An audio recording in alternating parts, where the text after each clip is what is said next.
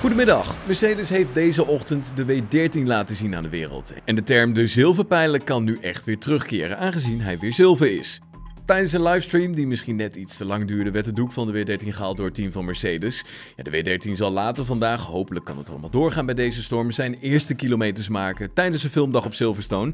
Russell en Hamilton zullen allebei in actie komen.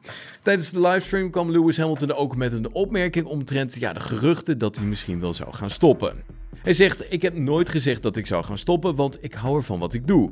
Het was een moeilijke tijd voor me en ik moest echt even een stapje terug doen en tijd doorbrengen met mijn familie. Williams-adviseur Jensen Button die verwacht dat de titelstrijd tussen George Russell en Lewis Hamilton zal gaan.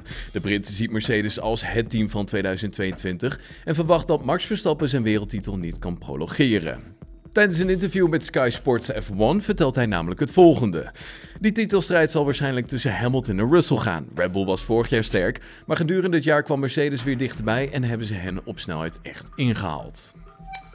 Sluit hem af met Alpine, want die heeft namelijk Otmar Zafnauer eindelijk bevestigd als nieuwe teambaas. De geruchten die hingen al een tijdje in de, de geruchten die hingen al een tijdje in de lucht sinds het aftreden van Zafnauer bij Aston Martin.